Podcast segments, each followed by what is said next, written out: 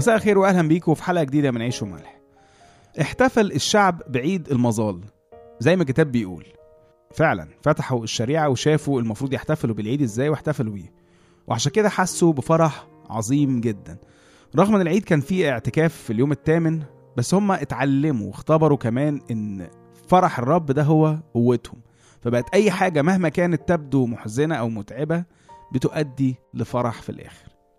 هنبدأ مع بعض الإصحاح التاسع من سفر نحمية وفي اليوم الرابع والعشرين من هذا الشهر اجتمع بنو إسرائيل بالصوم وعليهم مسوح وتراب وانفصل نسل إسرائيل من جميع بني الغرباء ووقفوا واعترفوا بخطاياهم وذنوب أبائهم وأقاموا في مكانهم وقرأوا في سفر شريعة الرب إلههم ربع النهار وفي الربع الآخر كانوا يحمدون ويسجدون للرب إلههم بعد عيد المظال على طول ابتدى الشعب في صيام واعتراف بخطاياهم وقبل ما نخش في تفاصيل اليوم ده مهم قوي نلاحظ إنه اللي حصل ده كان بعد الفرح بالرب بعد العيد. وبيفسر بقى إنه ليه اللويين ساعتها ما كانوش عايزينهم يحزنوا أول ما سمعوا كلمة ربنا. عشان ده كان وقت عيد وقت للنظر على ربنا ورحمته وفهم كلمته. فما يبقاش الحزن بقى هو رد فعل يستعمله الشيطان لليأس. إنما زي ما قلنا مجرد محرك للدفة بتاعت حياتنا. وعشان الدفة دي تتحرك لازم ده يبقى نابع عن إيمان بصلاح ربنا ورحمته. والاقتناع إن الخطية بتفصلنا عن ربنا. فالتخلص منها ولا هو خوف ولا هو تنفيذ عمياني للوصية إنما استيعاب إن تنفيذ الوصية دي هيخليني أنا أحسن. زي بالظبط مثل كده هيفضل معانا النهارده شوية هو إنه واحد عايز يخس. أو عشان صحته تكون أحسن.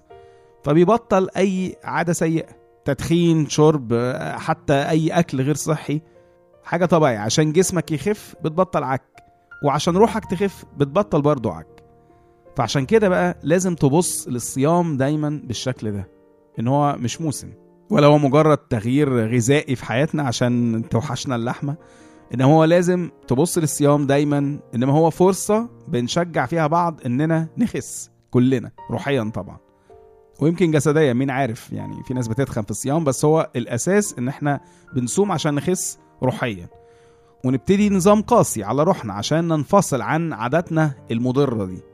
وده اللي عمله الشعب فعلا. انفصلوا عن بني الغرباء. وده نفس اللي كان مذكور في عزرا عشر. يعني الموضوع ده كان حصل قبل كده لما انفصل كل الشعب عن جوازاتهم بغرباء عنهم.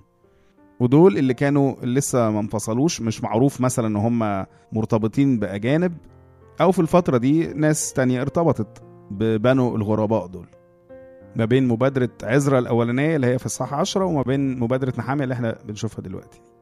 والخطية دي كانت من أعنف الخطايا اللي وقعت شعب إسرائيل في بلاوي زرقاء. أولهم كان سليمان الملك نفسه لأنه الارتباط بغير المؤمنين بيجيب معاه دايما غير الإيمان عدم إيمان.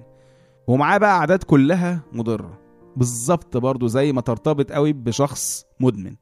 مش شرط مدمن مخدرات يعني ممكن مدمن كحوليات ممكن مدمن تدخين وممكن مدمن أكل. فخروجاتكم ونزولاتكم كلها يا على قهاوي على بارات يا على مطاعم. فبالتالي الارتباط ده أكيد بيأثر سلبيا عليك وعلى عاداتك. فلازم يتفك. تخيل بقى ده مش اتنين أصحاب دول اتنين متجوزين. الارتباط ده يبقى عامل إزاي؟ وتأثيره عامل إزاي؟ طبعا الجوازات دي كلها يعني كانت مبنية على الشهوة أو على المصالح المشتركة فهي مش بالشكل الجواز اللي هو موجود الحالي دلوقتي أو المفروض يكون موجود دلوقتي. والكتاب هنا أصلا مش بيحارب فكرة الجواز من أجانب عامة لأنه كان في جوازات كتير من أجنبيات ومنها موجودين في نسل المسيح نفسه. هنلاقي واحدة زي رحاب الزانية دي كانت أصلا من مدينة أريحة كنعانية ما كانتش يعني يهودية أكيد ورعوث المؤابية ما كانتش يهودية. فهي الفكرة دلوقتي إنه على الرغم من صعوبة الارتباط في أوقات كتيرة بس بيبقى ضروري فك الارتباط ده وفصله تماما عشان صحتك جسديا أو روحيا.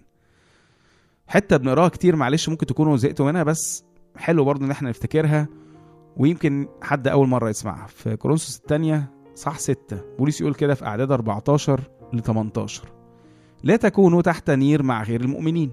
لأنه أية خلطة للبر والإثم وأية شركة للنور مع الظلمة وأي اتفاق للمسيح مع بليعال وأي نصيب للمؤمن مع غير المؤمن وأية موافقة لهيكل الله مع الأوثان. كل الحاجات دي ما تمشيش مع بعض. فإنكم أنتم هيكل الله الحي كما قال الله إني سأسكن فيهم وأسير بينهم وأكون لهم إلها وهم يكونون لي شعبا. يعني كلمة إن إحنا هيكل الله دي مش بولس مخترعها. دي على أساس إن ربنا قال إن أنا هسكن فيهم وأي حتة ربنا بيسكن فيها دي تعتبر هيكل. لذلك اخرجوا من وسطهم واعتزلوا يقول الرب. ولا تمسوا نجسا فأقبلكم وأكون لكم أبا وأنتم تكونون لي بنينا وبنات يقول الرب. القادر على كل شيء. مش معنى بقى يقول القادر على كل شيء هنا عشان يفكرنا دايما انه ربنا هو الوحيد اللي قادر على فك الارتباط ده. من خلال طبعا عمل النعمة مش دراعنا. اوعى تفتكر إنك هتقدر تعمل الكلام ده من نفسك. لازم من خلال ربنا وبإيد ربنا.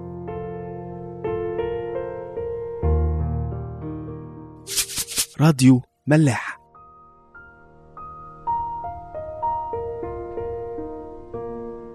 بعد كده بقى ولحد آخر الإصحاح بيحكي لنا إنه اللويين قادوا الشعب في تسبيحه ضروري قوي تقروا التسبيحة دي لأن كلامها فعلا جميل. وحتى لو هو متعلق بحياة اليهود أو تاريخهم يعني بس أي حد فينا أو يركز في الكلام هيعرف يربطها بحياته الشخصية.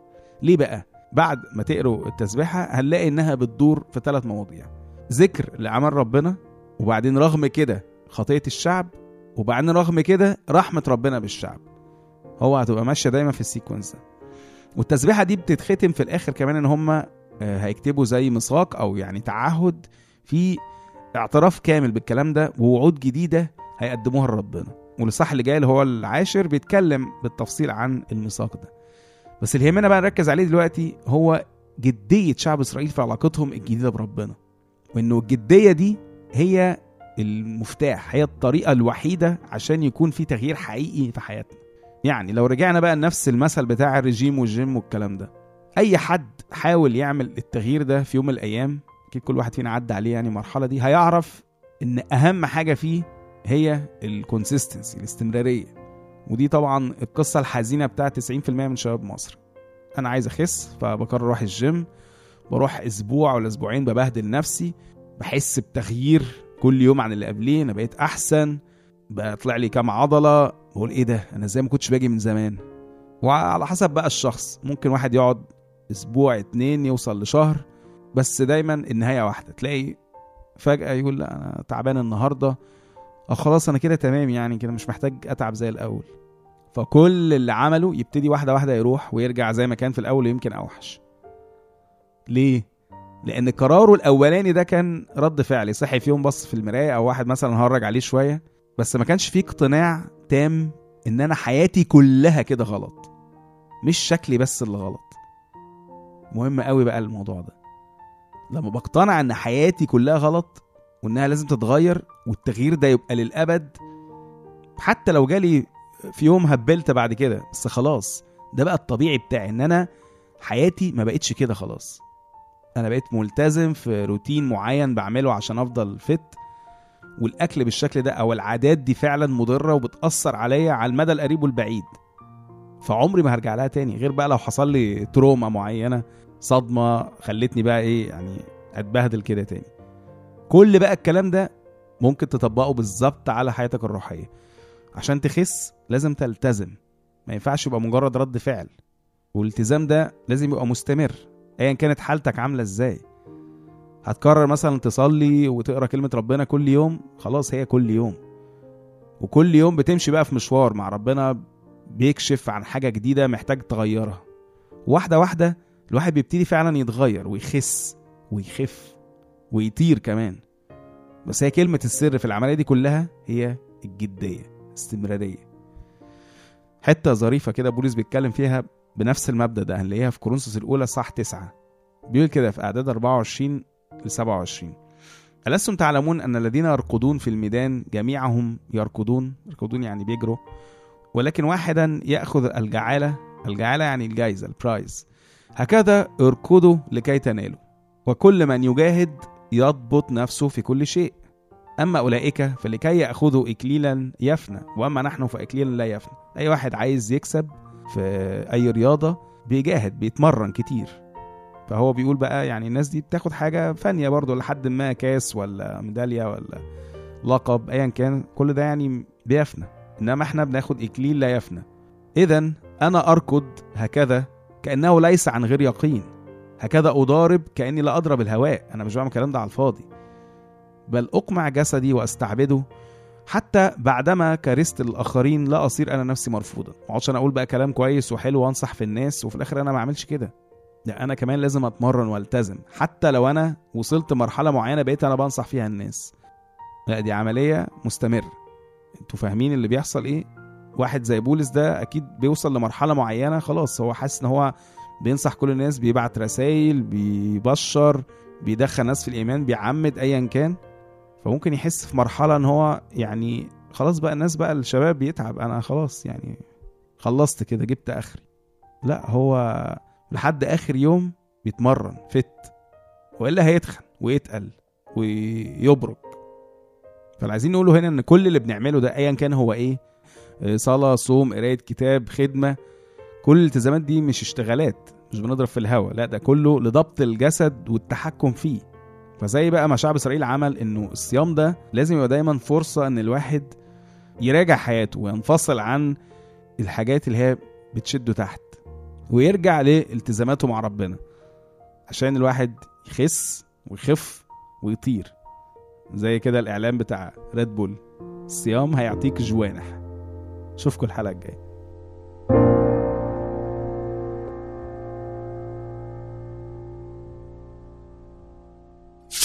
راديو ملاح.